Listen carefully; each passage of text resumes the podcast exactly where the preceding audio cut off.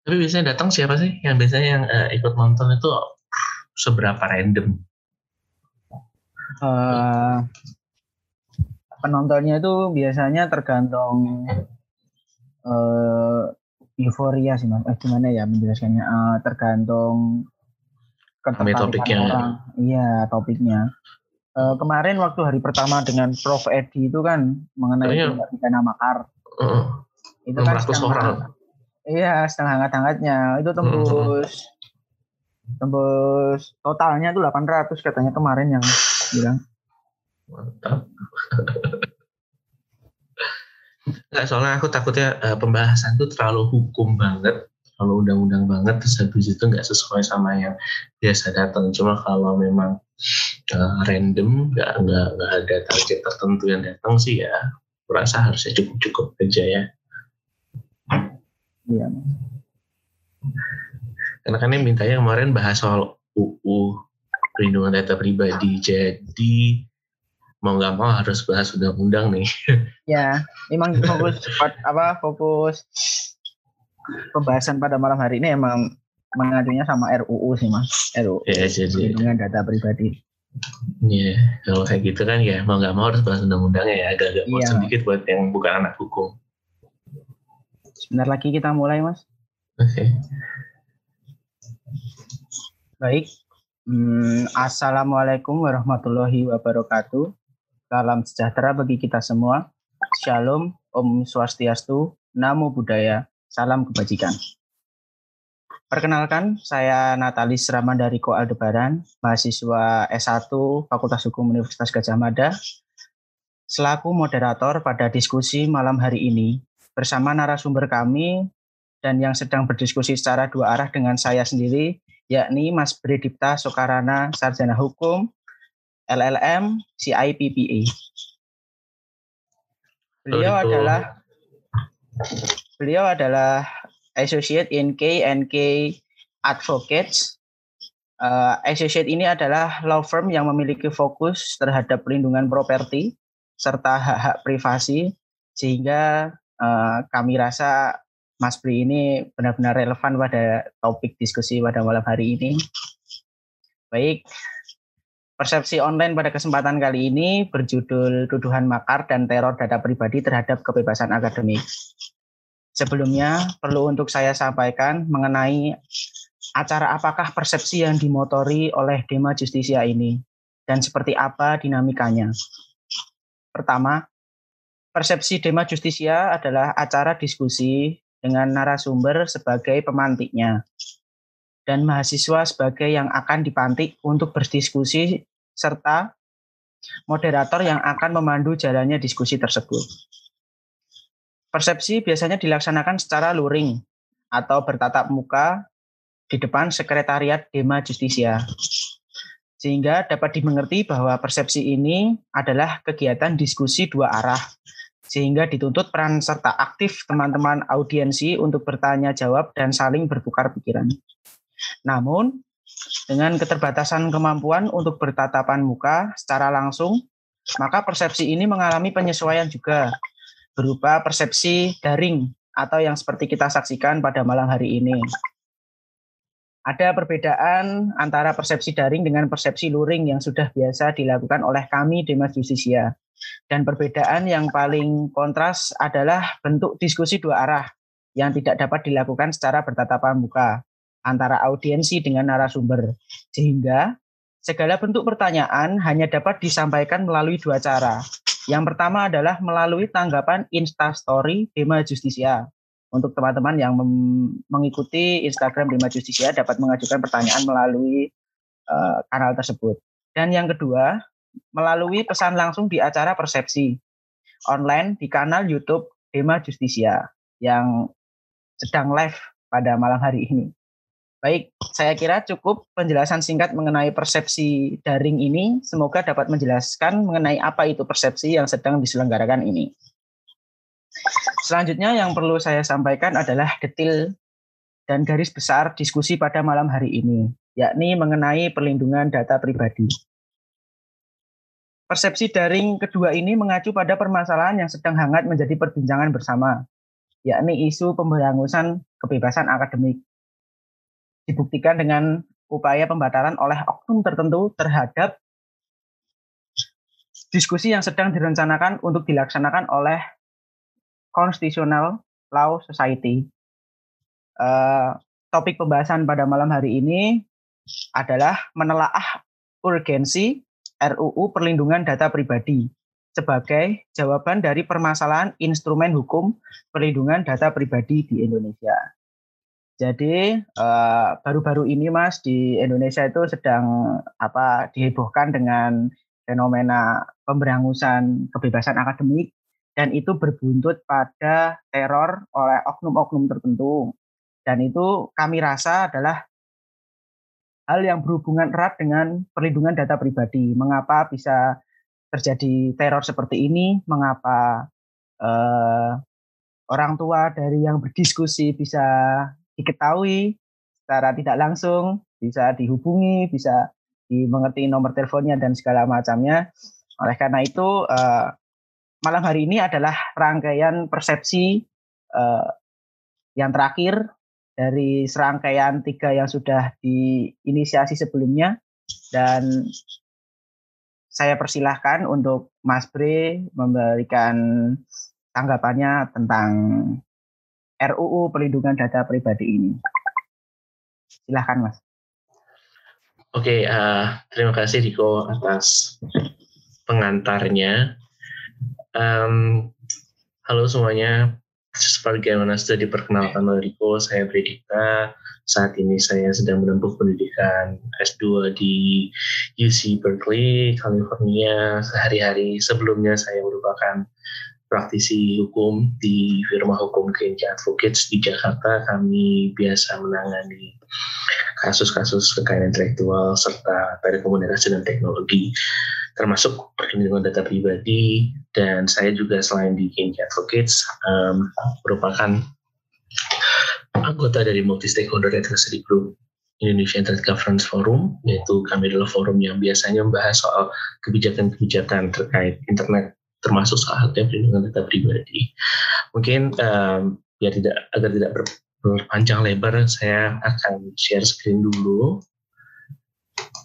uh, slide-nya. Jadi uh, saya diminta oleh teman-teman di Mahasiswa untuk membahas terkait perlindungan data pribadi, urgensi dan tantangan di depannya. Jadi membahas bagaimana sih kerangka hukum perlindungan data pribadi yang ada saat ini, kemudian kenapa kita perlu undang-undang perlindungan data pribadi dan dan bagaimana sih rancangan undang-undang perlindungan data pribadi yang saat ini masih dibahas di DPR yang harapannya tahun ini akan selesai. Walaupun uh, banyak banyak yang menyaksikan, tapi kita akan bikin. Tapi kalau kita menuk uh, kebahasan Riko tadi, mungkin mungkin undang-undang perlindungan data pribadi yang banyak digembar-gembarkan oleh publik belum tentu bisa menjawab permasalahan atau menjawab kuda gulananya teman-teman yang kemarin menyaksikan fenomena peretasan akun media sosial. Karena ada beberapa konsep yang mungkin agak berbeda kita akan bahas nanti. Dan saya merasa kalau misalkan isunya terkait peretasan media sosial, peretasan akun media sosial itu lebih ke arah keamanan digital yang kemarin sudah dibahas sebenarnya oleh uh, Mas Satrio Wibowo terkait yang yang membahas secara spesifik tentang bagaimana sih kejahatan cyber dan bagaimana sih mengamankan diri di dunia maya gitu. Jadi uh, bahasan kali ini akan sangat fokus kepada isu regulasi yang ada dan uh, apa sih yang belum diatur di regulasi dan bagaimana kita sebagai individual anggota masyarakat patuh terhadap hukum yang berlaku sekaligus mengamankan diri kita, data pribadi kita selama menggunakan internet. Gitu. Ini uh, materi kita hari ini. Semoga tidak terlalu panjang dan tidak terlalu membosankan. Uh, ini perkenalan sedikit tadi sudah. Uh, saya akan lanjut. Oke, okay, kita langsung masuk ke paparan pertama yaitu terkait tentang urgensi perlindungan data pribadi di Indonesia. Beberapa waktu yang lalu, sekitar setahun atau dua tahun yang lalu mungkin publik dihebohkan dengan adanya kasus kebocoran data oleh Cambridge Analytica yang mengambil informasi pribadi kita dari Facebook. Jadi kalau teman-teman mungkin suka menggunakan kuis atau aplikasi dan ternyata ada ada informasi yang kita berikan kemudian dianalisa oleh uh, mitra Facebook, itu Cambridge Analytica, data kita banyak yang di uh, akses dan diambil dan digunakan secara tanpa izin. Nah, kenapa sih kita butuh uh, undang-undang perlindungan data pribadi? Paling enggak, paling enggak kalau menurut saya ada tiga, yaitu edukasi, supervisi, dan implementasi. Apa sih edukasi itu? Edukasi itu paling enggak kita jadi mengetahui bahwa ada yang namanya data pribadi yang perlu dilindungi kita tahu siapa saja sih pihak-pihak terkait di dalam perlindungan data pribadi. Paling tidak kalau kita melihat undang-undang kita akan ngerti, oh ada pemerintah, ada pelaku usaha, ada kita sebagai masyarakat. Kalau kita mau lebih ke lebih ke level yang general, lebih tinggi, ke lebih pengaturan yang lebih tinggi lagi, itu biasanya isu yang saya bahas di isu tata kelola internet ada komunitas teknis dan ada akademisi yang memang biasanya memberikan masukan-masukan khusus bagaimana uh, penataan dan pengelolaan internet termasuk perlindungan data pribadi dilakukan. Nah, selain itu kita juga jadi mengerti nih, apa itu konsep privasi dan perlindungan data pribadi. Apa hak, kewajiban, serta tanggung jawab, dan lagi-lagi kita bahas soal apa sih isu keamanan digital yang perlu kita pahami. Dengan dengan adanya undang-undang data pribadi, dengan adanya undang-undang perlindungan data pribadi, kita paling tidak aware bahwa ada informasi tertentu yang sangat sangat berguna tidak hanya bagi kita sebagai pemiliknya, tapi juga kepada pihak lain. Seperti uh, pelaku usaha kalau mereka misalkan membutuhkan informasi tertentu untuk pembaruan atau peningkatan kualitas layanan, peningkatan kualitas produk, mereka akan melihat konsumen saya sukanya produk yang seperti apa ya, layanan yang seperti apa ya, di situ mereka akan melakukan analisa dari informasi yang dikumpulkan berdasarkan konsumennya. Nah, tentunya karena itu adalah informasi kita sebagai individu, maka kita sebetulnya semacam menitipkan informasi tersebut kepada pelaku usaha. Jadi muncul ada hak dan kewajiban serta tanggung jawab antara pemilik data pribadi dengan pelaku usaha setidaknya dengan adanya perlindungan undang-undang perlindungan data pribadi, dengan adanya peraturan-peraturan perlindungan data pribadi, kita mulai melek nih bahwa oh, ada yang harus dilindungi, ada yang harus diawasi, ada yang harus diwaspadai. Setidaknya itu.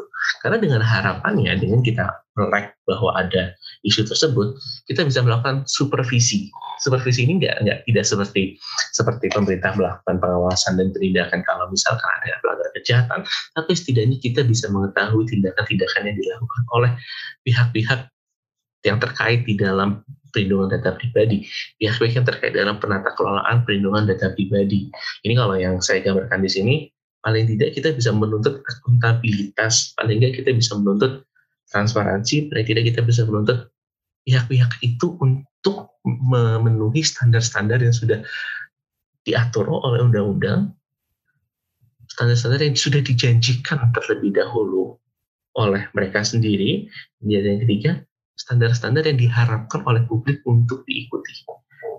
Supervisi ini berlaku uh, secara um, multisektoral dan berlaku untuk beberapa arah kalau dilihat di gambar yang saya sampaikan, ada pihak pemerintah seperti Kominfo, KPU, BSSN, yang diawasi oleh akademisi, diawasi oleh lembaga swadaya masyarakat, diawasi oleh masyarakat sendiri, diawasi oleh pelaku bisnis, diawasi oleh komunitas teknis, begitu pula dengan uh, pelaku bisnis di bawah situ ada Google, ada Facebook, ada Disney, ada Amazon yang diawasi oleh pemerintah, diawasi oleh uh, konsumennya diawasi oleh akademisi. Jadi ada kesinambungan antara pengawasan satu sama lain.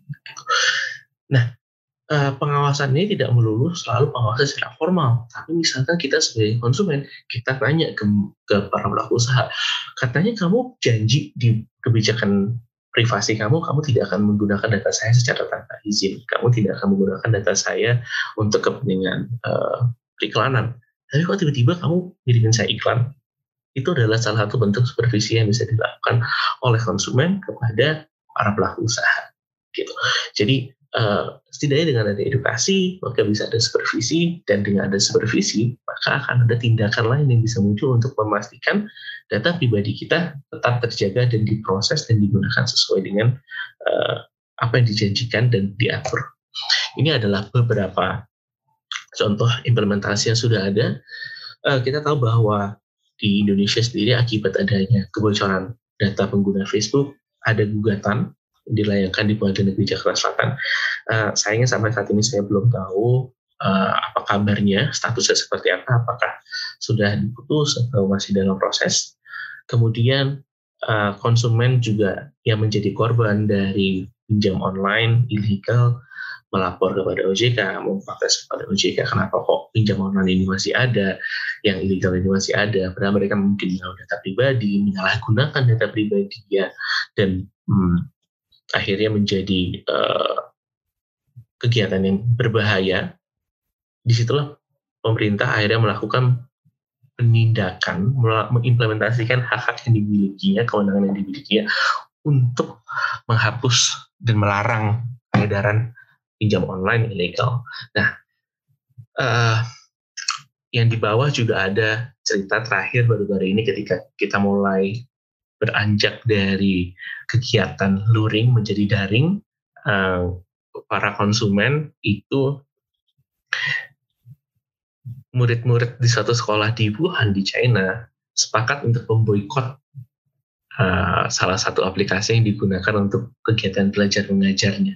Itu adalah salah satu walaupun walaupun tujuannya buruk ya, walaupun tujuannya tidak betul, tapi maksudnya ini adalah bukti bahwa ketika konsumen itu melaksanakan haknya, menggunakan haknya untuk berkomentar, untuk menuntut uh, sesuatu, bisa terjadi uh, sesuatu yang diharapkan. Di mana kalau di Wuhan contohnya aplikasi itu bahkan sampai di remove atau di, di, di, tidak lagi bisa di download dari App Store.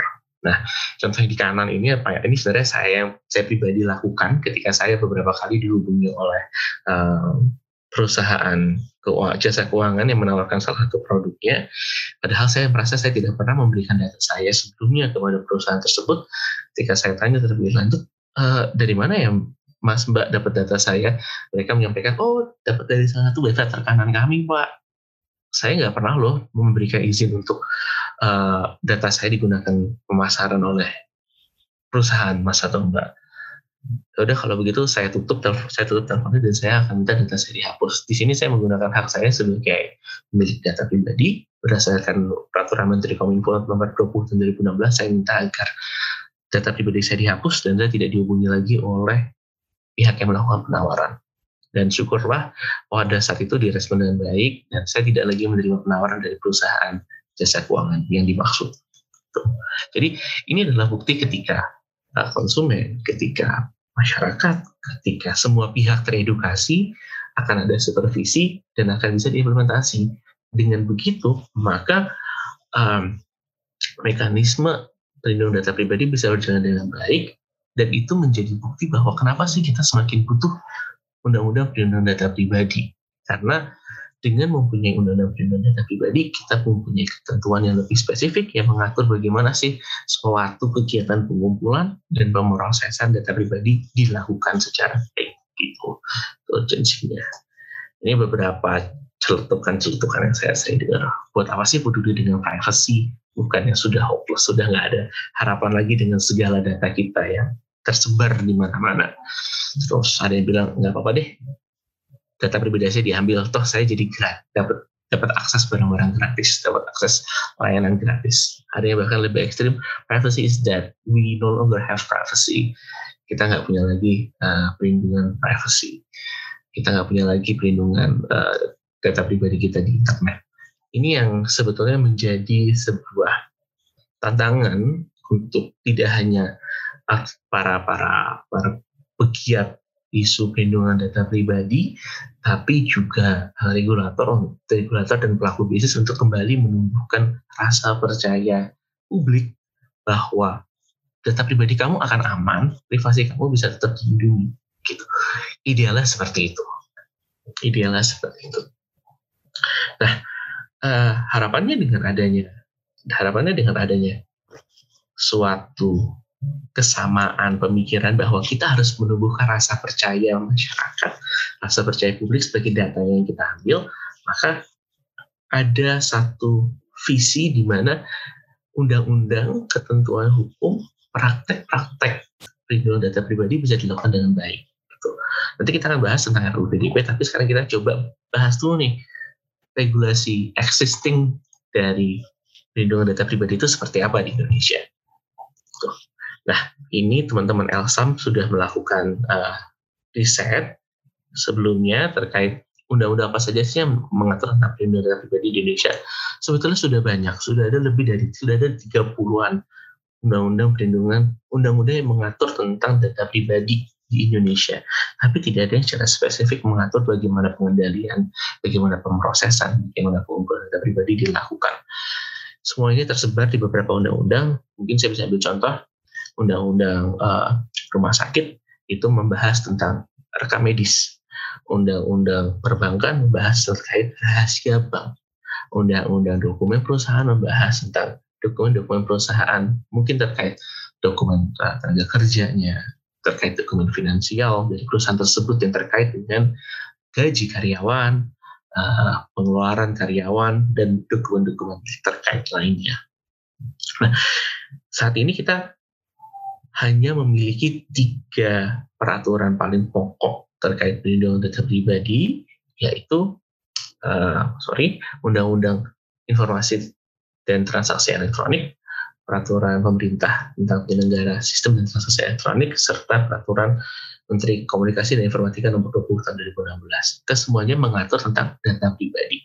Nah, data pribadi sendiri itu adalah bagian dari hak privasi yang membahas dan mengatur tentang informasi atau kumpulan informasi yang merujuk individu tertentu.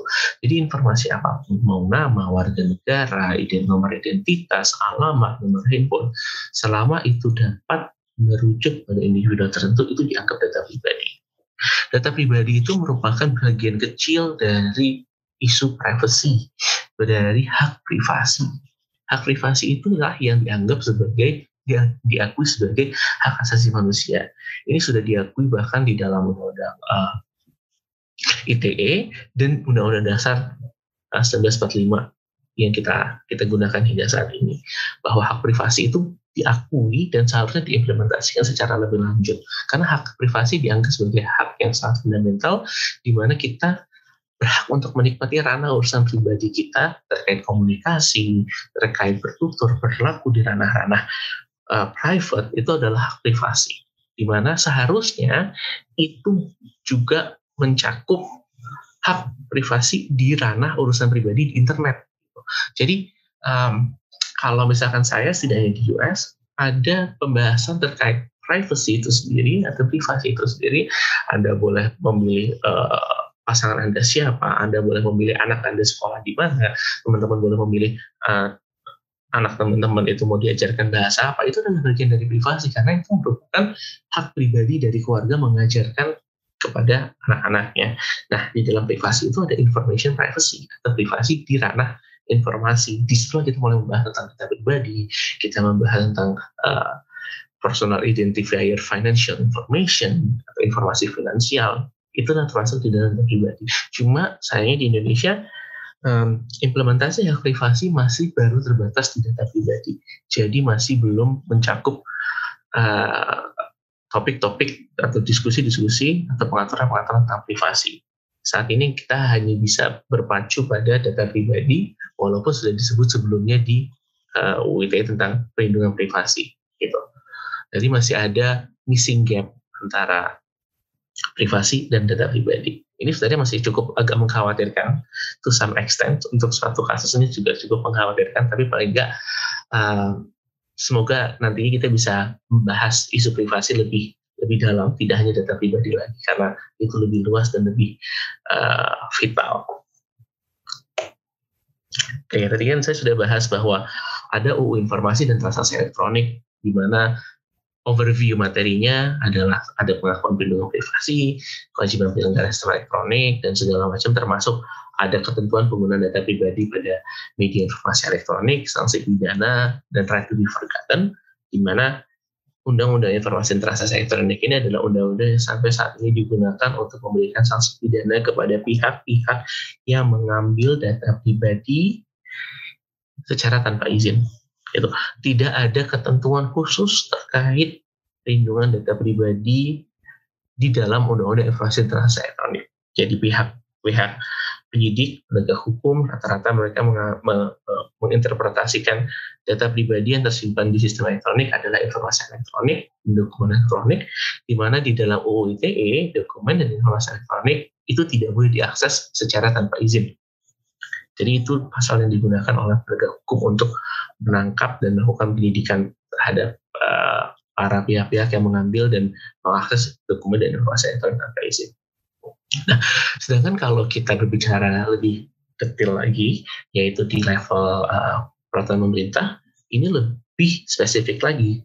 Ini menarik kata ini adalah produk hukum sekitar 6 bulan, 8 bulanan di tahun 2019 baru keluar PP 71 2019 yang men, maaf yang mencabut PP 82 tahun 2012 di mana di sini disebutkan secara khusus terkait perlindungan data pribadi dan pembahasannya meningkat dibandingkan PP 82 2012. Kalau dulu di PP 82 2012 pembahasan data pribadi itu hanya satu satu atau dua pasal kalau tidak salah dan dan spesifik membahas tentang persetujuan uh, pengumpulan data pribadi penggunaan data pribadi harus berdasarkan persetujuan tapi di sini di PP 71 2019 lebih luas lagi lebih spesifik lagi. Ini menarik karena sudah ada definisi pemilik, pengendali, dan pemroses data pribadi, kemudian ada ketentuan pemrosesan dan uh, pengumpulan data pribadi, ada hak pemilik data pribadi yang kalau dulu baru diakomodasi di level Permen Kominfo nomor 20 tahun 2016, tapi sekarang sudah diatur di, di, di PP 71 2019 tentang apa saja sih hak pemilik data pribadi, apa sih yang harus diketahui oleh hak pemilik data di, diketahui oleh pemilik data pribadi dan apa sih kewajiban dan tanggung jawab PSC spesifik terhadap uh, data pribadi. Kemudian ada Permen Kominfo terkait perlindungan data pribadi dalam sistem elektronik yaitu nomor 20 tahun 2016. Uh, seperti yang saya sebutkan lebih lampau peraturannya jadi mungkin lebih sederhana dibandingkan 2019 tapi tetap memberikan level memberikan beberapa informasi spesifik seperti prinsip perlindungan data pribadi, hak pemilik data pribadi, kewajiban pengguna data pribadi dan kewajiban penyelenggara sistem elektronik seperti ada kewajiban uh, periode penyimpanan data sepanjang lima tahun, kemudian ada mekanisme pengiriman data ke luar negeri dan beberapa ketentuan spesifik lainnya. Nah ini agak panjang yaitu kewajiban PSE, tapi paling tidak kalau saya akan coba coba coba ringkas dengan ada PP 71 2019 ada dua jenis kewajiban yang secara jelas bisa terlihat. Yaitu yang pertama kewajiban sebagai penyelenggara sistem elektronik di mana suatu sistem suatu sistem elektronik atau penyelenggara sistem elektronik seperti website, aplikasi, eh, portal tertentu itu harus aman, andal, eh, tersertifikasi, menerapkan tata kelola yang baik, melakukan pemrosesan data elektronik sesuai ketentuan yang berlaku, pendaftaran, uji kelayakan dan segala macamnya bisa teman baca sendiri di di slide ini. Dan ini tidak hanya berlaku untuk kegiatan pemrosesan data pribadi gitu. Ini berlaku juga untuk data elektronik yang tidak mengandung data pribadi. Kalau kita tadi balik ke definisi awal kan ada tuh uh, spesifiknya apa sih data pribadi itu data yang merujuk kepada individu tertentu. Kalau ada data yang tidak merujuk ke individu tertentu seperti let's say data pembelian alat tulis kantor data uh, penggunaan internet kantor dengan tidak menyebutkan dengan tidak menyebutkan uh, identitas individu tertentu itu dianggap sebagai uh, data saja ketika dia disimpan di dalam media elektronik itu data elektronik. Di sinilah ada kewajiban sebagai penyelenggara sistem elektronik. Nah, ketika kita bicara data pribadi, kita bisa geser sedikit ke kanan, yaitu kewajiban sebagai pemroses data pribadi, di mana pengumpulan data pribadi harus dibatasi sesuai dengan tujuannya. Lalu harus menjamin hak pemilik data pribadi, mendapatkan persetujuan untuk mengumpulkan data pribadi, pemrosesannya pun harus sesuai dengan tujuan pengumpulan dan menjamin hak pemilik data pribadi. Jika ada kegagalan perlindungan data pribadi harus diberitahukan, menyediakan arah hubung, dan melakukan koordinasi pada saat pengiriman data pribadi ke luar negeri. Ini adalah kewajiban-kewajiban yang sangat spesifik berlaku untuk penyelenggara sistem elektronik yang memproses data pribadi. Jadi kalau tidak memproses data pribadi, yang yang di yang di atas layout putih ini tidak berlaku. Nah, selain kita membahas tentang kewajiban penyelenggara sistem elektronik, ada juga hak pemilik data pribadi yang menurut saya cukup penting untuk kita ketahui bersama dan dan kita implementasikan. Yaitu pertama hak atas operasional sistem elektronik harus sistem elektronik yang layak dan andal, nggak boleh kalau misalkan itu mengganggu operasional kita, nggak boleh itu susah dioperasikan, nggak boleh itu uh, malah ketika kita visit suatu website, kita datang ke website itu malah membuat kita terkena virus, malware dan gangguan elektronik lainnya. Kemudian harus ada jaminan atas keamanan, kerahasiaan dan integritas data pribadinya, serta ada hak atas informasi penggunaan data pribadi. Kita sebagai pemilik data pribadi, kita berhak tahu nih tujuan penggunaan data pada saat pengumpulan. Ini mau apa sih data saya? Apakah data saya digunakan hanya untuk memberikan layanan yang saya butuhkan? Let's say kayak kita mau membuat email, kita pasti akan memberikan nama, terus password yang kita mau, uh, nomor telepon pasti akan di pasti kita perasaan ini buat apa sih nah, biasanya dikasih tahu nama untuk identifikasi anda kode nomor telepon untuk verifikasi hal seperti itu yang harus di harus kita ketahui dan harus diberitahu oleh PSE kepada kita sebagai pemilik data pribadi. Kemudian pemberitaan kegagalan data pribadi, historis data pribadi, serta mekanisme penghapusan data pribadi, dan ada jaminan penggunaan data pribadi sesuai tujuan pengumpulan, jaminan dan edukasi perlindungan data pribadi, dan informasi atas hukum. Gampangnya nih, gampangnya, semua informasi terkait penggunaan data pribadi harusnya bisa ditemukan di syarat dan ketentuan atau kebijakan privasi dari suatu sistem elektronik. Gampangnya seperti itu kalau kalau agak bahasanya udah-udah jadi segala macam. Setiap kali datang ke website, setiap kali mengoperasikan aplikasi, coba iseng lihat syarat dan ketentuan serta kebijakan privasi. Biasanya akan ada ketentuan kayak apa sih hak teman-teman sebagai pengguna, apa sih yang bisa teman-teman lakukan kalau ada keanehan-keanehan pada saat pengoperasian layanan atau atau aplikasi. Nah, selain dua tadi, selain dua jenis hak tadi, ada lagi hak perubahan dan penghentian pemrosesan data pribadi, di mana teman-teman boleh menarik persetujuan pengumpulan data pribadi, meminta dikeluarkan dari mesin pencari atau right to delisting, kalau kita di PP 71 2019, meminta pemusnahan data pribadi miliknya, memperbarui atau mengubah data pribadi serta ketika kita mempunyai sengketa kita boleh mengajukan pengaduan kepada uh, Kementerian Kominfo, meminta advokasi kepada Kominfo dalam hal penerimaan pribadi ke luar negeri, atau bahkan kita berhak untuk menuntut ganti rugi melalui mekanisme pengadilan dan bisa melakukan pelaporan ke pihak kepolisian jika memang ada dugaan unsur pidana di dalam pemrosesan data pribadi kita. Gitu. Ini adalah hak-hak pemilik data pribadi yang bisa teman-teman uh, implementasikan kalau memang dibutuhkan. Seperti yang saya lakukan tadi sebelumnya, saya minta data saya dihapus karena saya menarik persetujuan saya untuk menerima penawaran-penawaran produk layanan keuangan. Nah, pertanyaannya, dengan adanya Undang-Undang ITE, BPPSTE, Permenkominfo 2016, terkait dengan data pribadi sistem elektronik, memang sudah cukup atau belum? Ternyata belum. Kenapa? Karena itu lebih kompleks dari apa yang sudah diatur di dalam undang-undang saat ini. Perlindungan data pribadi itu tidak hanya sekedar melindungi sistem dari gangguan keamanan di elektronik. Tidak hanya berbicara tentang uh, sistem yang layak, andal, tidak hanya tentang persetujuan. Kenapa? Karena kalau kita berkaca kepada um, undang-undang data pribadi di negara lain seperti yang paling paling santer dibicarakan dan dirujuk oleh oleh uh, Indonesia adalah uh, European Union General Data Protection Regulation atau EU GDPR di mana ada konsep pemisahan tanggung jawab antara pemroses dan pengendali data. pengendali data adalah pihak yang biasanya mengumpulkan data, pihak yang biasanya menentukan data ini akan saya apakan, data ini akan saya gunakan untuk apa. Apakah data ini akan saya gunakan untuk memberikan layanan kepada pengguna? Apakah data ini akan saya gunakan untuk saya keperluan riset?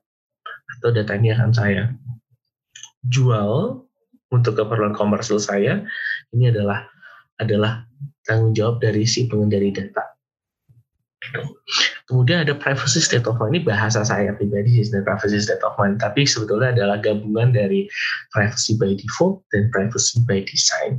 Privacy by default dan privacy by design adalah prinsip yang dibahas di dalam EU GDPR, di mana keduanya sebetulnya memberikan acuan kepada setiap produk, setiap solusi, atau setiap kegiatan yang berkaitan dengan pemrosesan data pribadi untuk selalu mengedepankan aspek perlindungan data pribadi dan privacy dari pengguna si sistem elektronik ini.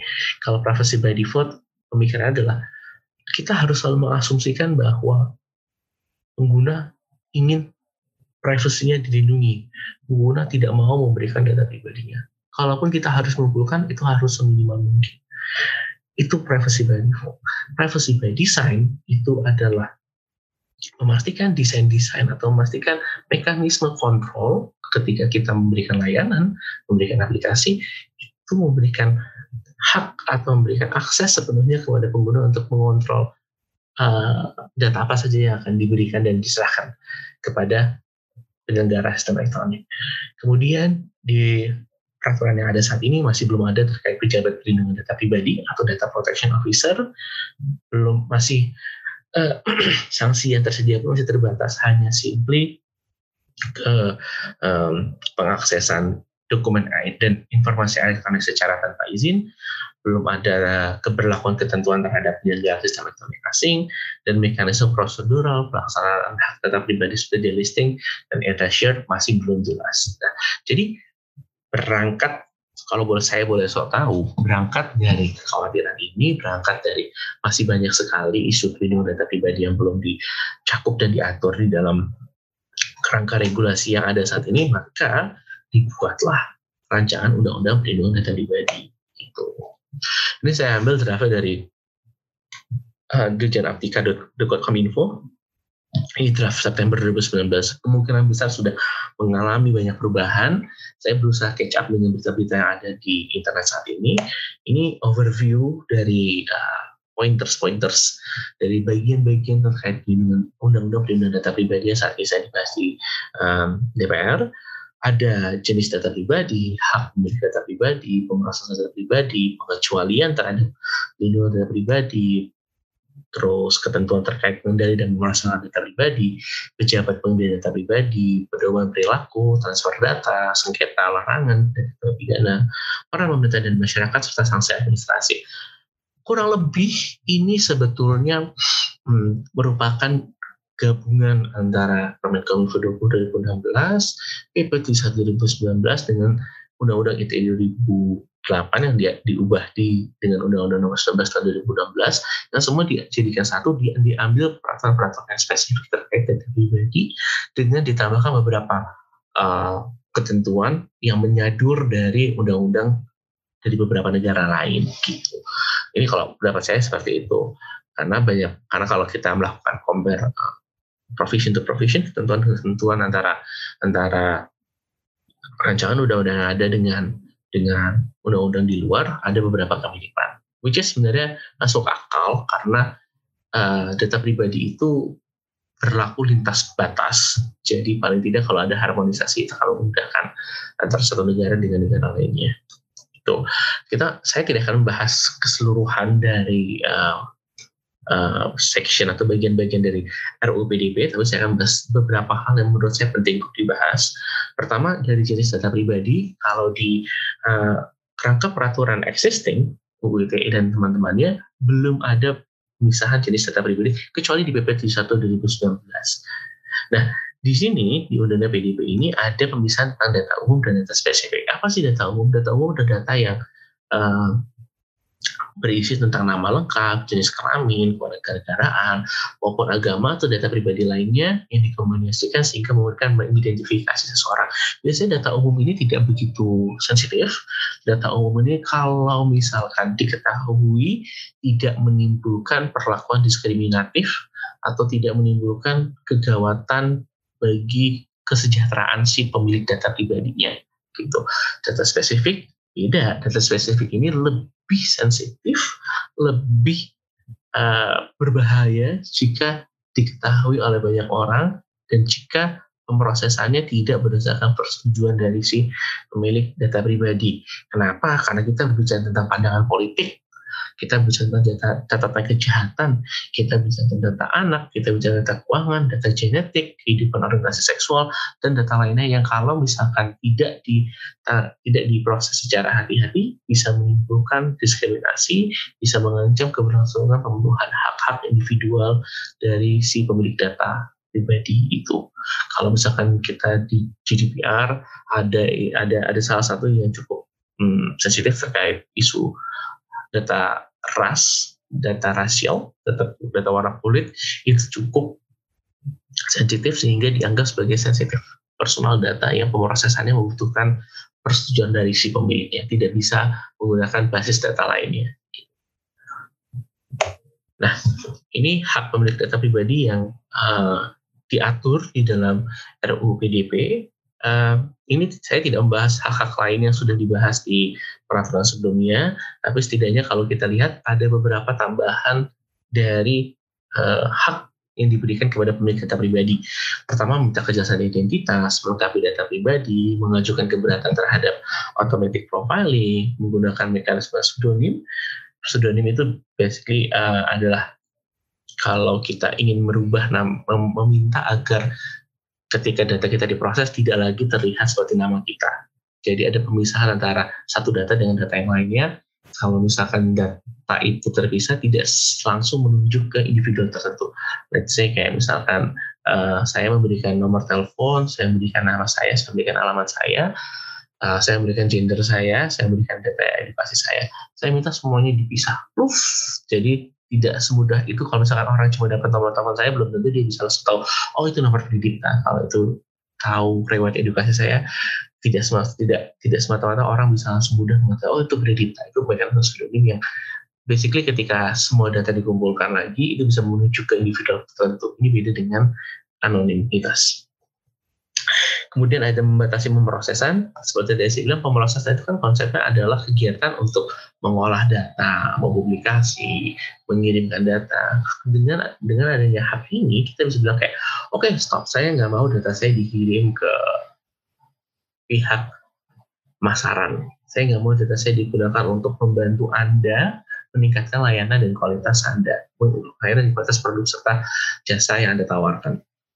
Kemudian juga ada hak untuk menuntut dan menerima ganti rugi, mendapatkan data pribadi dengan format yang interoperable, yaitu format yang kalau misalkan di transfer dari satu sistem ke sistem yang lain, dari suatu uh, perangkat ke perangkat yang lain, bisa dioperasikan dan bisa diakses.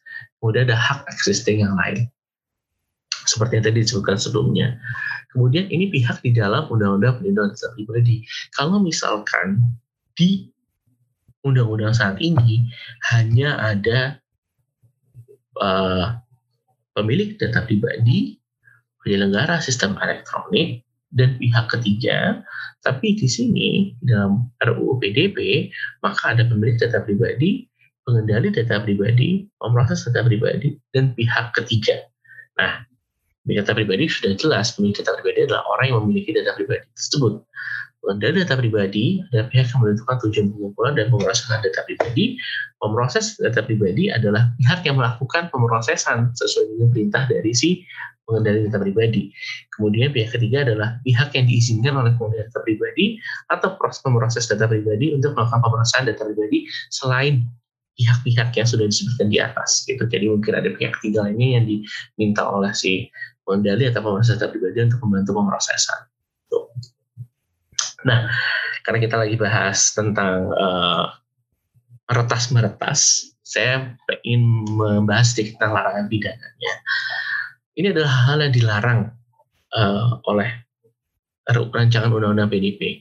Yang di kiri ada pengumpulan data pribadi bersifat spesifik secara tanpa izin, pengoperasian alat pemroses pengolah data yang mengancam perlindungan data pribadi, pemindahan dan penggunaan perekam suara pada alat pemroses data visual, pemrosesan data pribadi selain tujuan yang disetujui, pengiriman data pribadi ke luar negeri tanpa persetujuan, larangan pemrosesan untuk tujuan komersil atau pemrosesan persetujuan, larangan pengungkapan data pribadi yang bukan miliknya, larangan pemalsuan data pribadi, dan larangan penjualan atau pembelian data pribadi yang bukan miliknya. Kalau begini, saya pribadi juga agak bingung kalau misalkan kayak, oke okay, kemarin ada pertasan, terus sanksi pidananya yang mana? Kalau saya rasa paling bisa ditarik ke pemeras larangan pengungkapan data pribadi yang bukan miliknya atau pemerasan data pribadi saat tujuan yang disetujui. Mungkin mentok-mentoknya seperti tapi mungkin uh, sepanjang perjalanan pembahasan undang-undang ini mungkin akan ada perubahan-perubahan dan ada interpretasi di lapangan yang bisa lebih membantu gitu. Nah, pertanyaannya RUU PDP sekarang sudah cukup atau belum? Sayangnya kalau menurut saya pribadi ini belum cukup karena seolah-olah undang-undang pribadi rancangan undang-undang perlindungan data pribadi yang ada hanya formalisasi terkait ketentuan pengumpulan data pribadi. seolah-olah selama ini ada ruang hampa yang coba diisi oleh undang-undang perlindungan data pribadi, tapi ketika ruang hampa tersebut diisi, isinya tidak memenuhi seperti yang diharapkan. Karena ketika kita bicara tentang perlindungan data pribadi harapannya adalah privasi bisa dilindungi di sini. Tapi ternyata belum ada pembahasan terkait perlindungan privasi yang cukup detail dan spesifik karena tetap ada pembatasan-pembatasan, tetap ada pengecualian-pengecualian, tetap ada ketentuan-ketentuan yang sebetulnya ya sudah ini hanya memberitahukan bagaimana sih pemerasan data pribadi yang baik. Saya saya mengapresiasi bahwa ada RUU PDP, tapi kita tetap butuh banyak kerja keras untuk memastikan privasi kita tetap terjaga. Ini bisa dilihat lagi di tumpang tindih regulasi antar otoritas. Kita tahu kemarin beberapa kasus ada instansi tertentu yang uh, mengalami kebocoran data. Di tahun sebelumnya ada instansi yang membolehkan pengaksesan data pribadi kita. Banyak yang bilang itu bukan data pribadi, itu data jenis lain, walaupun isinya sama saja. Nomor uh, induk kependudukan, nama kita, nomor identitas kita, sama saja sebetulnya kalau menurut saya sih itu adalah data pribadi, tapi di DVD karena diatur undang-undang bukan sebagai data pribadi, itu dianggap sebagai data lain. Kemudian ada larangan untuk menggunakan informasi yang tidak benar. Sebetulnya uh, itu baik karena untuk keperluan penegakan hukum, untuk keperluan verifikasi, tapi ketika kita masuk ke internet, tidak semuanya terlihat buruk adalah buruk let's say saya menggunakan informasi yang bukan nama saya untuk melakukan uh, riset isu-isu tertentu yang cukup sensitif. Saya tidak menggunakan nama saya karena saya tidak mau orang tahu saya saya melakukan riset tersebut dan akhirnya membuat saya mendapatkan efek negatifnya. Tapi dengan adanya larangan penggunaan identitas yang berbeda dari pemilik identitas aslinya, maka itu sebenarnya merugikan saya sebagai orang yang sedang melakukan riset tersebut. Kemudian masih belum ada lagi pembahasan terkait privacy by default dan privacy by design. Lalu ada generalisasi entitas pengendali dan pemrosesan data pribadi. Ada beberapa kritik yang menyatakan bahwa ini data ini berarti kewajibannya berlaku untuk semua UMKM, termasuk uh, para penjual gorengan, para para penjual uh, atau para pedagang-pedagang yang memang tidak melakukan uh, inventarisasi data secara elektronik, apakah ini akan berlaku atau tidak? Kalau kita melihat secara real ke peraturan yang ada, ini berlaku ke mereka.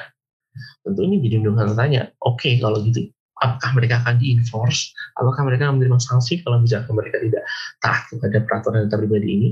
Kemudian masih banyak ketentuan yang belum komprehensif, ketentuan yang ada fokus untuk mendisiplinkan pengendali dan pemrosesan data pribadi ketimbang membantu perlindungan data pribadi kepada penggunanya kemudian memiliki data pribadi. Jadi fokusnya masih kayak, oke, okay, organisasi kamu harusnya kayak gini. Tapi akhirnya si pemilik data pribadi agak dikesampingkan dan ya udah, kamu udah punya hak kamu, terus kamu mau ngapain. Masih ada ketentuan yang belum jelas kayak misalkan setelah adanya kegagalan perlindungan data pribadi, apa yang harus dilakukan oleh pengendali dan pemroses kepada pengguna. Ini masih menjadi tanya-tanya nih.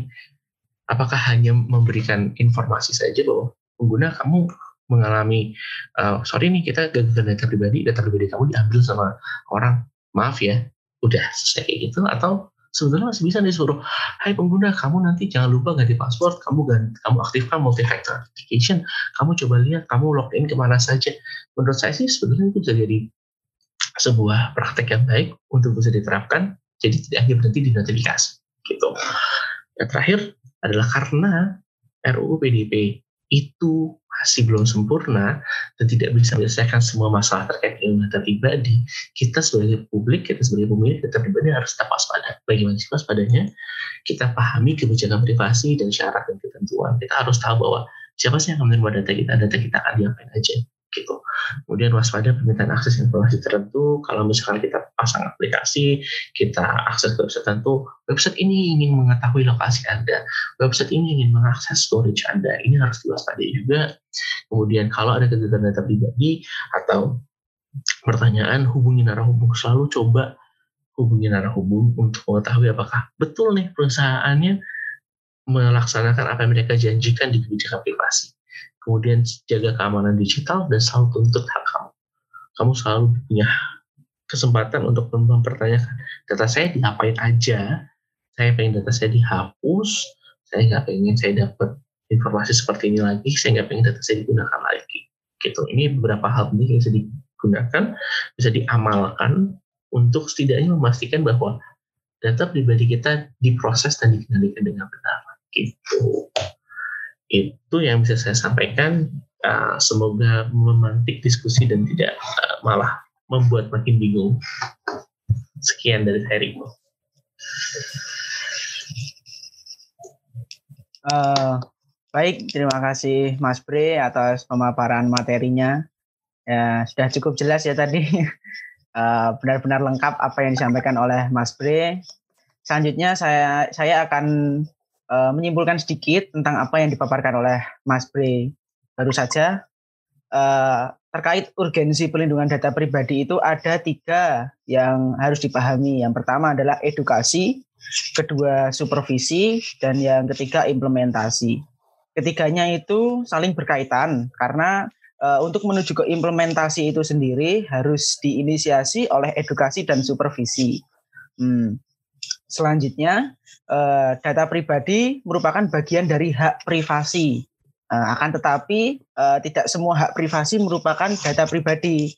Di Indonesia hanya dapat mengacu pada data pribadi dan dalam suatu kondisi tertentu juga sangat mengkhawatirkan karena yang diakomodasi di negara Indonesia itu sendiri hanyalah data pribadi, sedangkan hak privasi itu sendiri luas tadi yang disampaikan oleh Mas Bre. Selanjutnya, apakah sudah cukup? Eh, belum, karena masih banyak yang harus dipenuhi. Salah satunya adalah privacy of mind, keterlibatan sanksi yang tersedia, mekanisme prosedural pelaksanaan itu sendiri. Uh, jadi menurut Mas Bri itu data pribadi di Indonesia yang sudah diakomodasi oleh undang-undang itu ternyata belum cukup karena masih ada uh, yang harus dipenuhi. Uh, sebagai contohnya itu tadi privasi of mind dan keterlibatan sanksi yang tersedia. Selanjutnya jenis data pribadi itu terbagi dua. Yang pertama adalah data umum dan yang kedua adalah data spesifik. Perbedaannya adalah data umum itu tidak sensitif dan jika diketahui tidak menimbulkan perilaku diskriminatif dan tidak menimbulkan kegawatan. Sedangkan data pribadi spesifik itu bertolak belakang dengan data pribadi umum karena itu akan menimbulkan kegawatan jika tidak mendapatkan perhatian secara baik seperti itu. Uh, eh, RUU PDP sekarang apakah sudah cukup atau belum di Indonesia ini? Ternyata menurut Mas Bre sendiri juga masih belum cukup karena RUU PDP yang sekarang itu hanya mengakomodasi hal-hal tertentu dan isinya tidak memenuhi seperti apa yang diharapkan oleh masyarakat.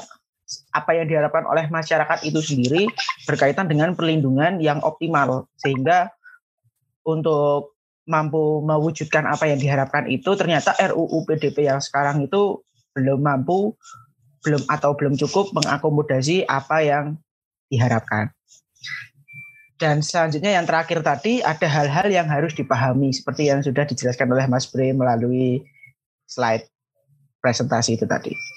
Uh, selanjutnya ini Mas, ada pertanyaan dari teman-teman Dema Justisia untuk Mas Bre.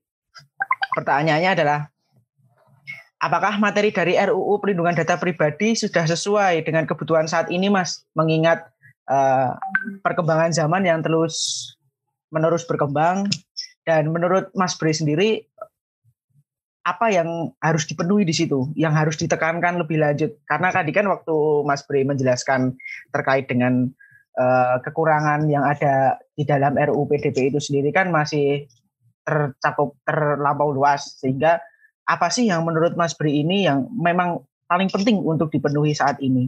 Itu Mas. Terima kasih.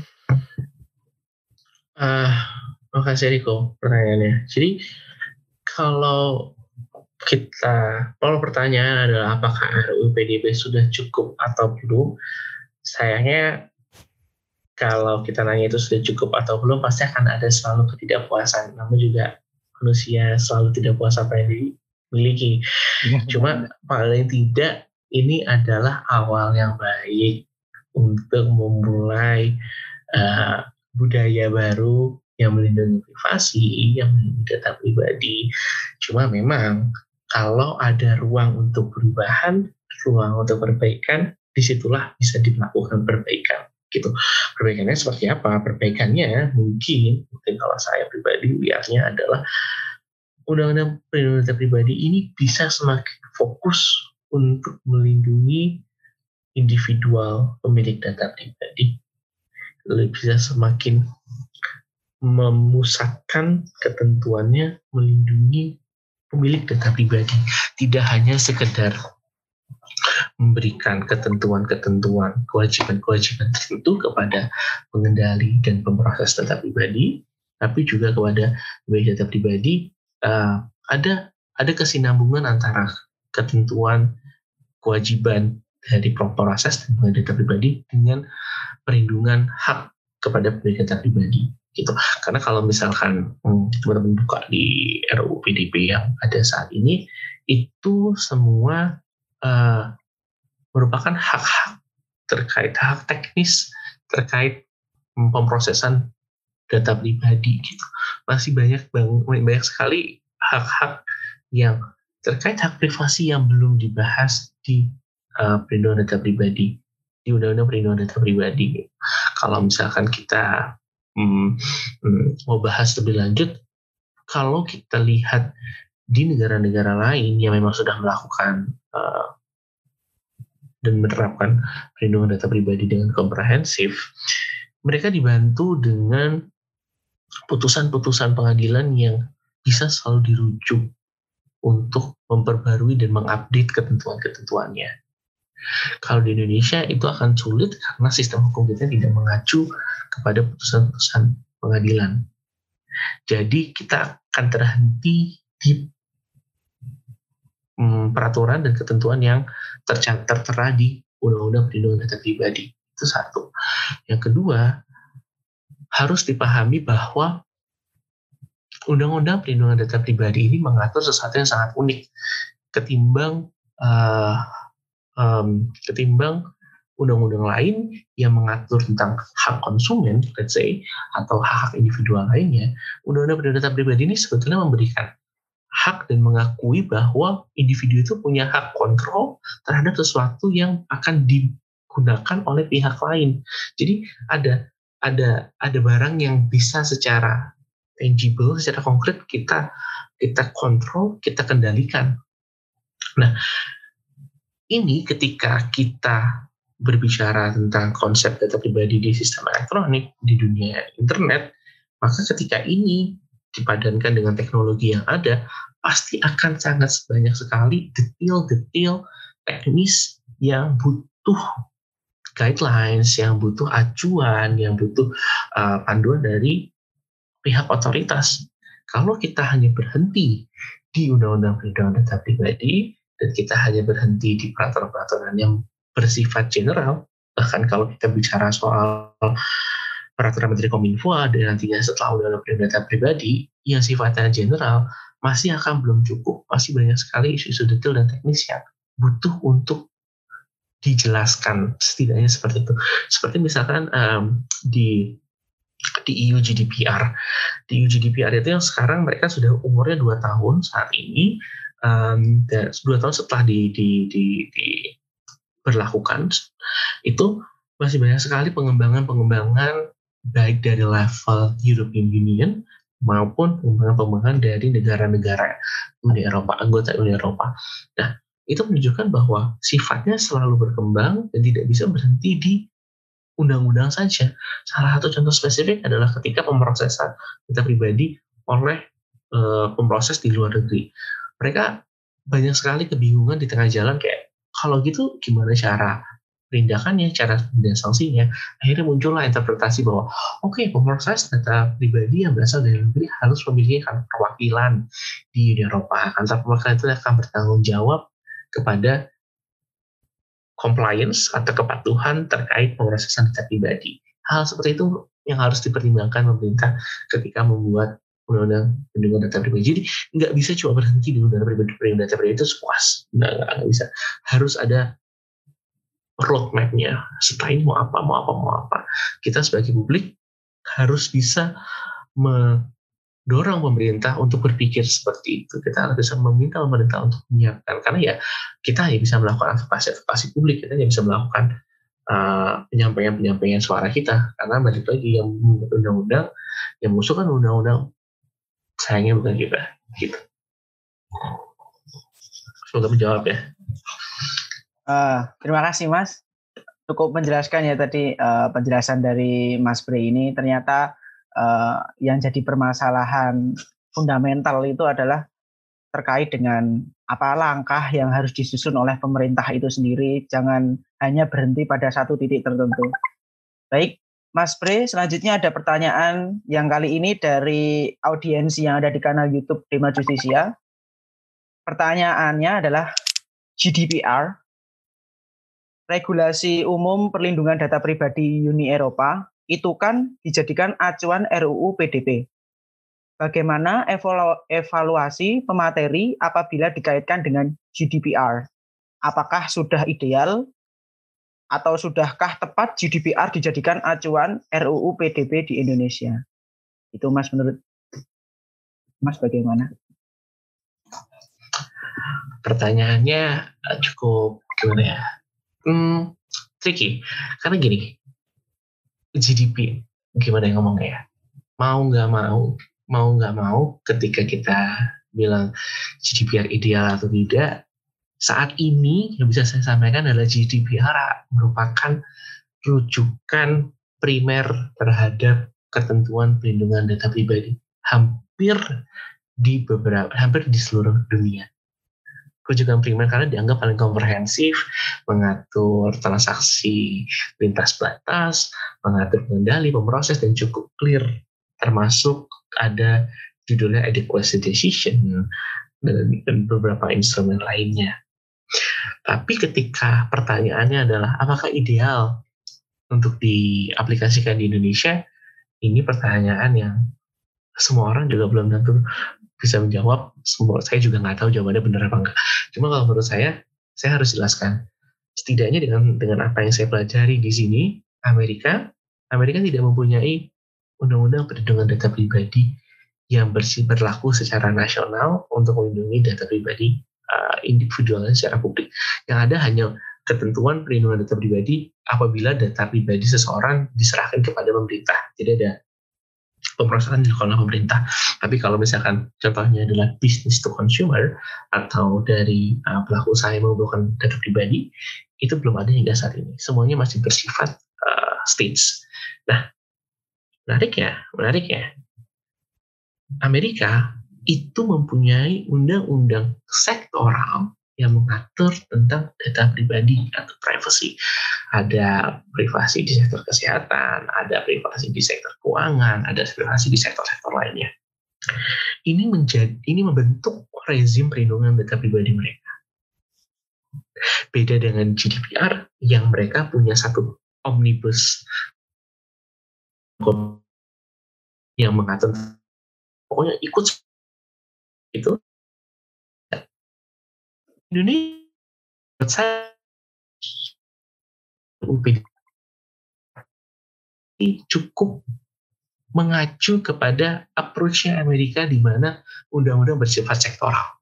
Ini bisa dilihat di ada ketentuan undang-undang rahasia perbankan, ada ketentuan undang-undang rahasia medis, ada ketentuan uh, data pemilih tetap, ada data kependudukan. Semuanya bersifat sektoral. Ketika GDPR nanti nih, sorry, ketika undang-undang PDP yang mengacu pada GDPR diberlakukan, maka pertanyaannya adalah apakah undang-undang PDP ini bisa mengharmonisasi undang-undang yang sebelumnya sudah mengatur tentang data? Gitu. Itu pertanyaan yang saya mohon maaf belum bisa menjawab. Tapi harapannya tentu demikian. Harapannya tentu undang-undang PDP bisa mengharmonisasi undang-undang yang lain sehingga ada rujukan khusus buat data pribadi itu terlepas namanya apa selama data itu menyimpan identitas orang tertentu itu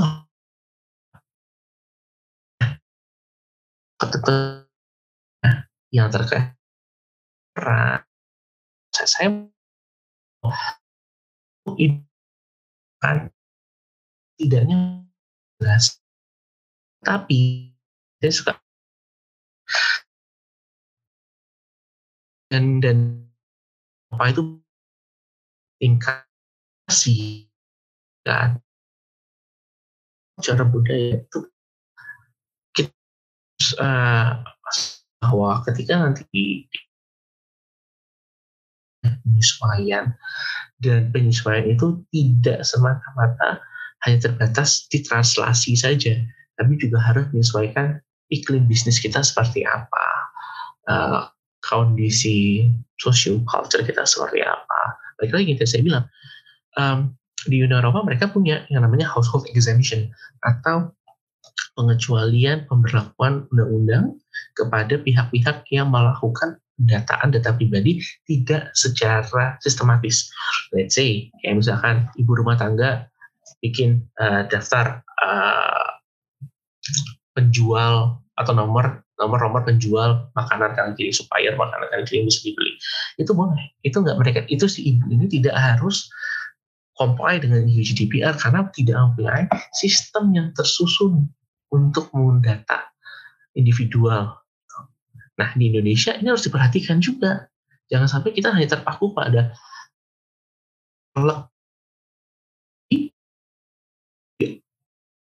ditaruh lakukan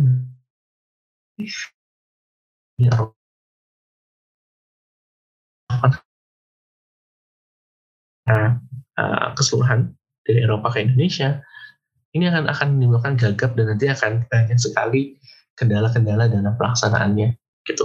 Tadi saya sudah sebutkan sedikit apa saja sih kendala-kendalanya. Gitu. Jadi harus banyak penyesuaian, tapi secara ideal sih cukup uh, fungsional karena paling tidak menjawab kebutuhan yang ada, tapi tetap harus ada penyesuaian. Gitu. Ya, benar uh, apa yang dikatakan oleh Mas Bre. Saya selaku moderator sendiri juga setuju sebenarnya dengan pertanyaan yang disampaikan oleh audiensi di kanal YouTube ini. Pertanyaan ini uh, tricky ya Mas ya, karena ketika kita membicarakan tentang ideal itu pasti kan uh, menyangkut oleh jauh banyak sekali apa yang dimaksud dan apa ukuran dari ideal itu sendiri. Nah, maka dari itu Mas, selanjutnya juga ada pertanyaan lagi dari uh, audiensi YouTube di kanal Dema Justisia. Bagaimana jika data pribadi kita diolah jadi big data, misalnya tidak sesuai kebijakan privasi khususnya bank atau telekomunikasi? Bagaimana caranya untuk menuntut hak tersebut jika terjadi uh, kesalahan? Apakah perlu diulang pertanyaannya, Mas? Boleh, boleh, boleh. Saya agak putus-putus tadi, sorry. Bagaimana jika data pribadi kita, eh, rakyat Indonesia itu diolah menjadi big data? Misalnya tidak sesuai kebijakan privasi khususnya bank atau telekomunikasi. Jadi mengolah menjadi big data itu tidak sesuai dengan kebijakan eh, telekomunikasi dan khususnya bank itu sendiri. Eh, bagaimana caranya menuntut Mas kalau apa menurut Mas Bri sendiri? pertama kan Mas Pri uh, orangnya juga punya pengalaman di apa namanya law firm yang memiliki fokus terhadap pelindungan properti dan hak-hak privasi lainnya. Baik, begitu Mas pertanyaannya. Oke, okay, uh, mungkin saya coba bantu jelaskan dulu satu persatu. Uh, ketika kita bicara soal big data, uh, big data itu adalah kumpulan informasi yang karena karena namanya big ya, itu banyak sekali dan dan akhirnya digabung menjadi satu dan dianalisa sesuai dengan kebutuhan dari pihak-pihak yang membutuhkan dianalisa. Jadi dari big data bisa kelihatan, oh konsumen di daerah Jogja senangnya makan olive ketimbang dirty chicken. Senangnya makan sate papong ketimbang Pak Bari. Itu itu adalah hasil analisa dari data-data yang dikumpulkan berbagai macam.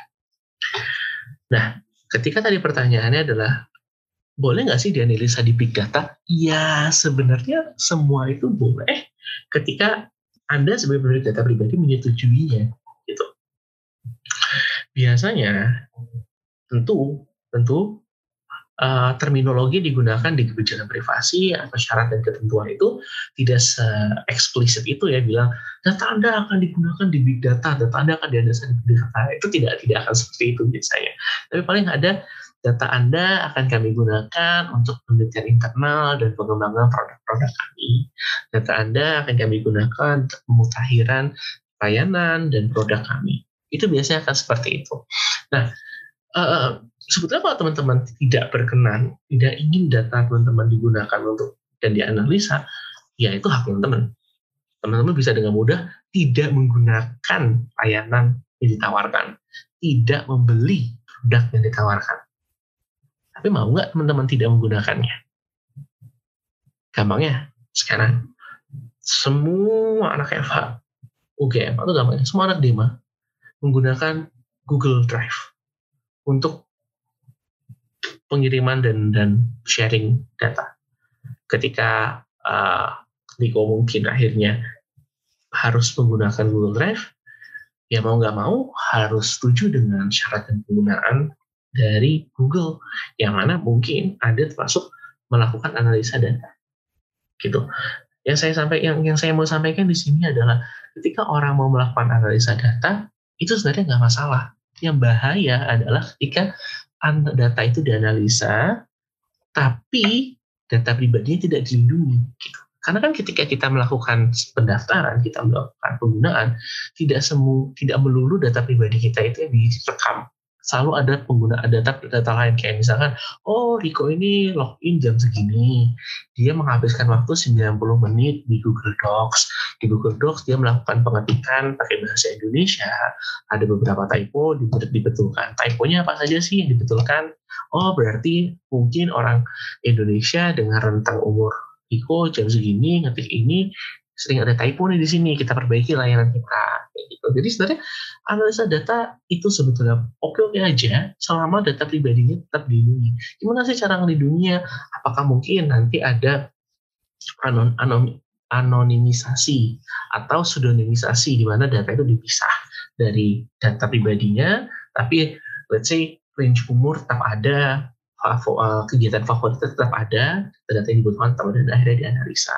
Itu sebenarnya kan bisa juga merupakan data. Itu itu itu semoga menjawab separuh pertanyaannya.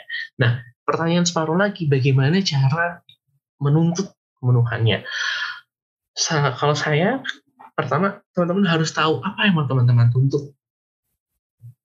Baca peraturannya, baca syarat dan ketentuannya, baca kebijakan privasinya ketika kebijakan privasi ternyata tidak mengatur, berarti boleh dong di undang-undang. Tapi kalau kebijakan privasi mengatur tapi melanggar undang-undang, baru teman bisa transfer kayak ini kenapa kok kayak gini seharusnya di undang-undang seperti ini. Itu kalau menurut saya, itu pertama melatih teman-teman untuk melak, me, me, me, me, me, mendorong dan melaksanakan hak ini teman-teman miliki. Dan yang kedua, mendorong agar para negara sistem elektronik mereka yang mengumpulkan data mengerti bahwa kita juga mau dong data kita dilindungi. Kita juga mau kok uh, kamu bisa memberikan pelayanan yang prima in terms of respons, merespon uh, permintaan kita terkait perlindungan data. Karena karena budaya seperti ini masih belum, kalau menurut saya pribadi masih belum banyak dilakukan di Indonesia sehingga di satu sisi perusahaan para penyelenggara investasi masih bingung nih, oh kita harus ngapain nih untuk untuk menerima komplain, kita harus ngapain nih untuk untuk merespon permohonan data pribadi gitu. Padahal sebenarnya teman-teman punya hak, teman-teman selalu bisa nanyain kok data saya seperti apa, diapain sih data saya? Karena ada kan di undang-undangnya teman-teman boleh meminta rekam jejak, teman-teman boleh menghapus. Tapi syaratnya itu teman-teman tahu apa yang teman-teman minta dan teman-teman tahu konsekuensinya apa kalau misalnya teman-teman menghapus, meminta data teman-teman menghapus, dihapus dari Google, Google Mail gitu ya, mungkin teman-teman jadi nggak bisa lagi pakai emailnya Google, teman-teman nggak bisa lagi pakai Google Drive, gitu. Jadi analisa data itu boleh selama data pribadinya terlindungi. Ketika bilang ada kegagalan perlindungan data pribadi, atau teman-teman harus tahu apa yang mau teman-teman tulis. Gitu. Semoga jelas ya di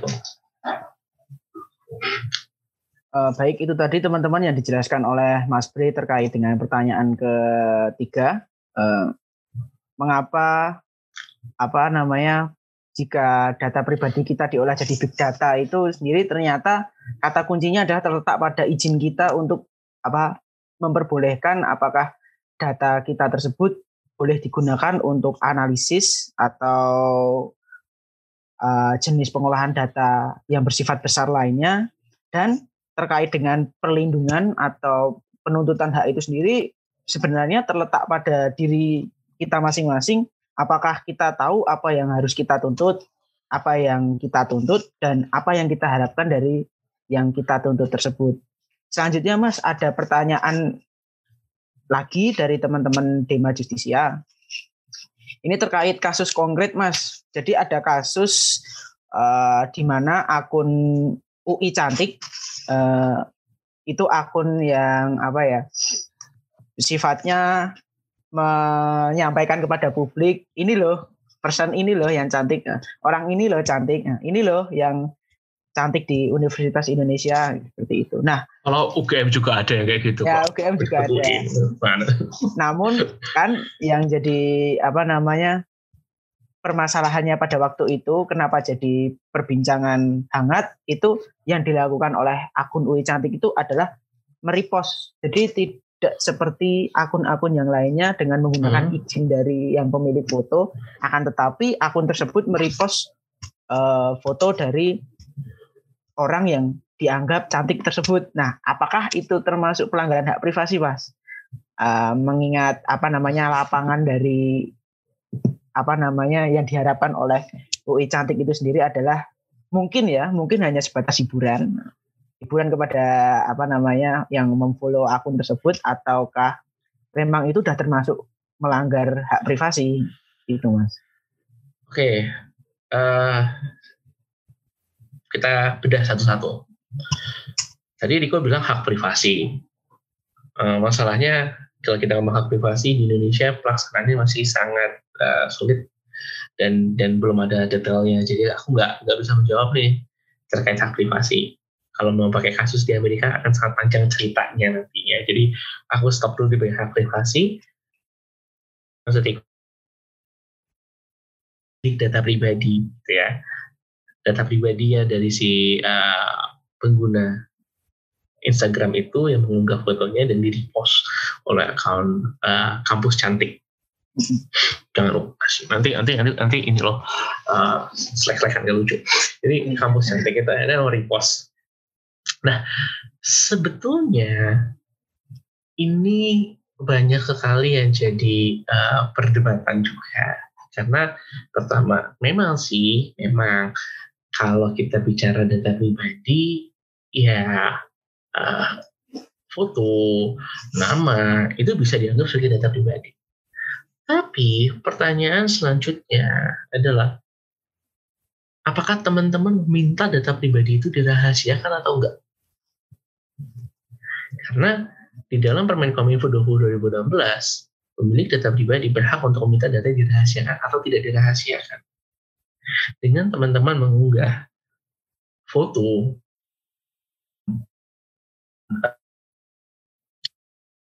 kepada Instagram untuk mengunggah uh, itu sebetulnya kalau menurut saya sih membuka rahasia dari data pribadi itu. Jadi setiap orang yang melihat bisa mengakses. Nah, kalau dalam hal data pribadi mungkin akan sulit untuk dilakukan uh, take down atau akan akan sulit untuk dilakukan uh, pencegahan karena banyak lagi sistem hukum yang kita miliki masih terbatas terkait data pribadi gitu. Kalau kita mau bilang hak privasi mungkin bisa di stretch kanan kita kalau misalkan hak privasi yang di US tapi misalnya kita nggak lagi bahas itu. Nah kalau data pribadi mungkin agak akan sulit karena uh, mungkin akan ada argumen kayak loh kan saudara tuh enggak berarti nggak dirahasiain dong. Berarti boleh dong dan dan dan biasanya mesti dilihat lagi di terms and condition Instagram. Apakah dengan dengan dengan teman-teman mengunggah itu teman-teman beri izin kepada Instagram untuk menyimpan dan ketika Instagram itu menyimpan uh, foto teman-teman dan ada aplikasi untuk merepost itu sebenarnya sama dengan aplikasi itu meminta izin kepada teman-teman melalui Instagram untuk merepost foto itu. Gitu. Jadi jadi uh, saya nggak bisa ngomong terlalu banyak karena saya nggak baca terms conditionsnya. Tapi kalau misalkan Instagram bilang bahwa kami tidak akan membagikan ini kepada pihak lain, kami tidak akan membagikan ini kepada kepada uh, pihak ketiga lainnya tanpa izin Anda, itu ada kemungkinan melanggar data pribadi. Tapi kalau misalkan tidak, tidak ada ketentuan kayak tidak ada ketentuan seperti itu, ya agak akan sedikit sulit untuk berargumentasi bahwa itu melanggar data pribadi. Justru ada kemungkinan itu bisa dianggap melanggar hak cipta karena ada potret orang tertentu ditransmisikan ke pihak tempat lain tanpa izin. Kalau itu ternyata mendatangkan keuntungan komersil dan di-share secara komersil, maka ada di melalui uh, Instagram support Twitter yang mereka karena Instagram akhirnya mengacu kepada undang privasi di US dan bisa teman-teman take down foto itu dari akun kampus cantik. Itu setahu saya seperti itu ada ada fitur reportingnya gitu. Jadi ketimbang mikirin apa sih yang undang-undang data pribadi bisa berikan lihat di terms and conditions dan lihat fitur apa yang diberikan oleh si uh, platform.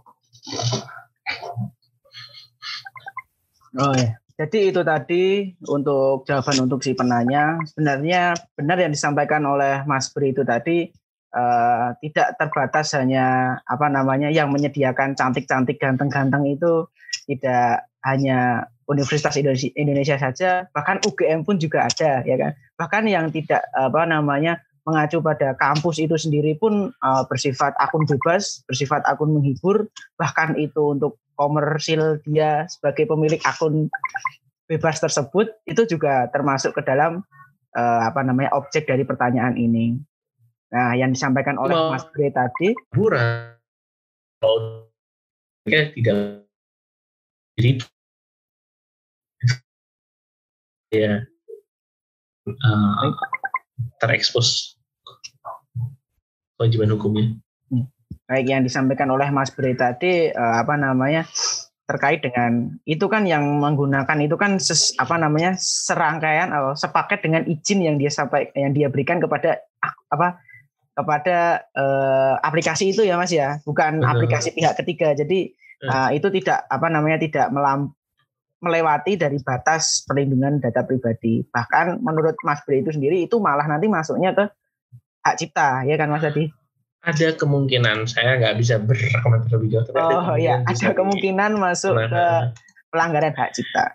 Ini Mas, pertanyaan terakhir berhubung kita berbicara udah berbincang-bincang udah lebih dari satu jam. Nah, pertanyaannya adalah apakah sifat masyarakat Indonesia yang komunal itu mendasari sulitnya perkembangan isu hak privasi di Indonesia? Bagaimana menurut menurut Mas Bri? kayak gini.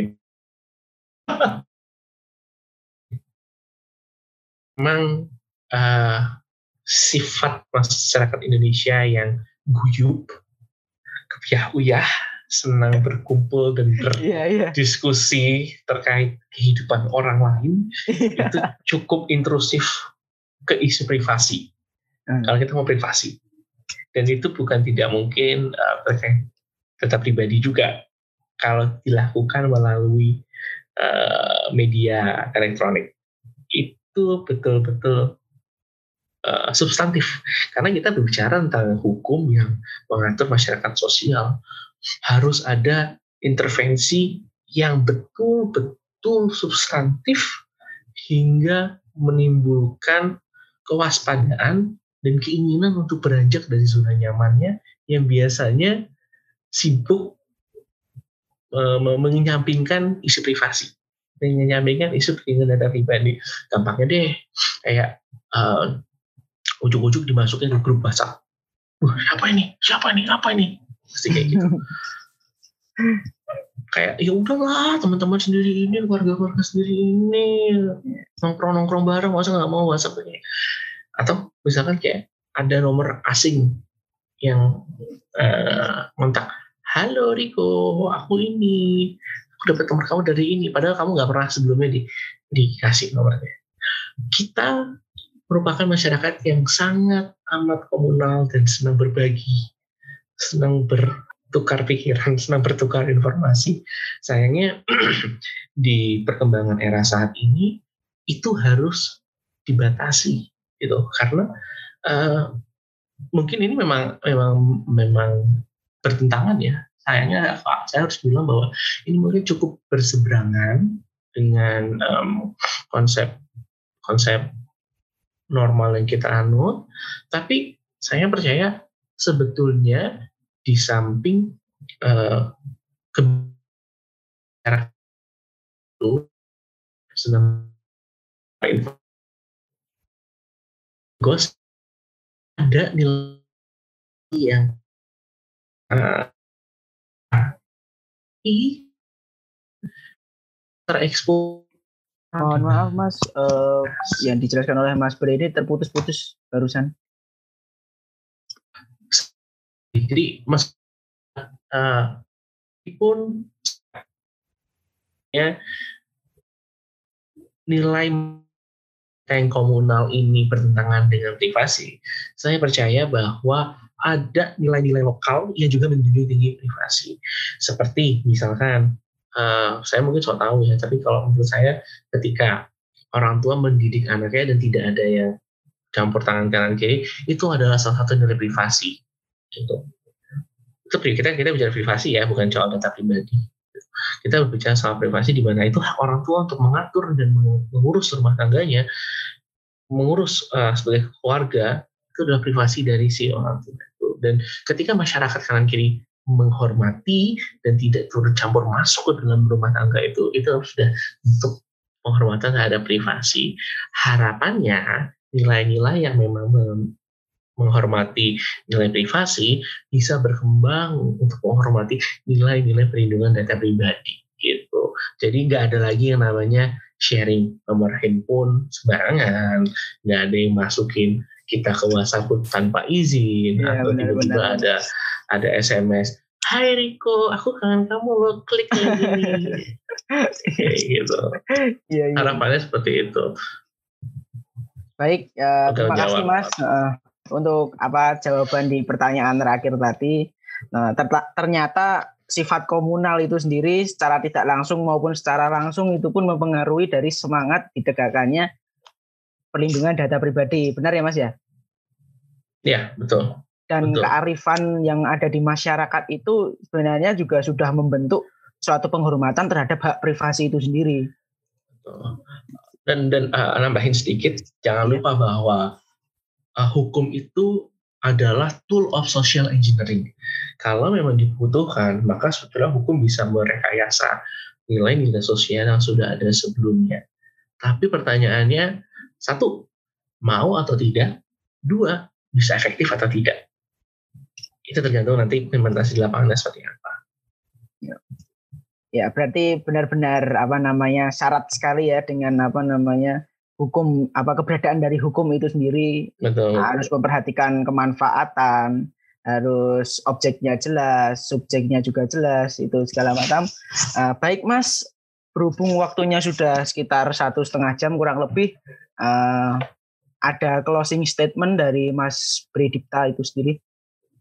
Oke, okay, uh, closing statementnya semoga singkat ya. Jadi um, mulai sadar dengan isu-isu perlindungan data pribadi. Kalau misalkan teman-teman melakukan aktivitas di sosial media, menggunakan internet, hati-hati ketika mengunggah data pribadi teman-teman sendiri karena satu tidak ada yang tahu data pribadi itu akan digunakan untuk apa. Mungkin kita tidak harus berprasangka buruk kepada penyelenggara platform internet. Tapi berhati-hatilah ketika satu penyelenggara platform internet tersebut gagal dalam melindungi data pribadi teman-teman. Atau kedua, data pribadi yang teman-teman unggah dilihat oleh orang-orang yang berniat buruk dan akhirnya membahayakan teman-teman sendiri. Kemudian mau tidak mau undang-undang PDP harus disahkan. Kenapa ada kekosongan hukum yang sampai saat ini belum terjawab? Harapannya teman-teman semua bisa membantu dan menyuarakan betapa pentingnya undang-undang PDP bagi perlindungan data kita selama menggunakan internet.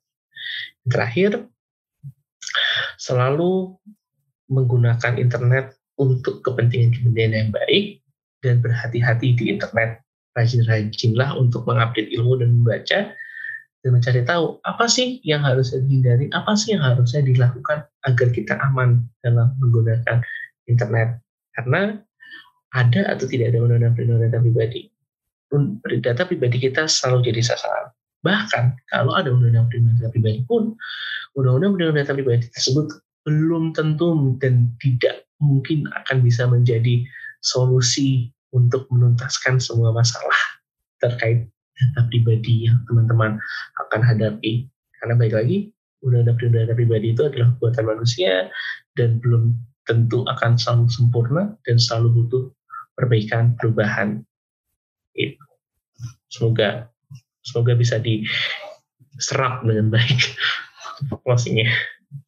Oke, baik. Terima kasih Mas Bredita Socarana uh, untuk apa telah bersedia menjadi narasumber pada persepsi di serangkaian terakhir pada malam hari ini. Semoga Mas Bredipta sendiri sehat ya Mas di Berkeley, California. Amin, sama-sama Riko dan teman-teman Dema ya. Terima kasih ya. atas kesempatan untuk bisa sharing hari ini. Akhir kata kami Dema Justisia mengharapkan semoga acara persepsi pada malam hari ini secara khususnya secara keseluruhan dapat berguna bagi kita semua yang menjadi apa namanya eh, konsumen dari acara diskusi ini. Semoga apa dapat menjadi ilmu baru, dapat menjadi pengetahuan baru untuk kita apa itu uh, perlindungan data pribadi dan bagaimana cara kita menyikapinya yang baik dan bagaimana cara uh, menanggapinya dengan lebih baik lagi. Terima kasih. Uh, semoga ini juga bisa menjawab uh, apa yang sedang hangat di perbincangan akhir-akhir ini terkait dengan pelindungan data pribadi berangkat dari kasus konkret uh, konstitusional law society yang mendapatkan teror dari oknum-oknum tertentu. Nah, baik, terima kasih. Wassalamualaikum warahmatullahi wabarakatuh. Terima kasih Mas Bre.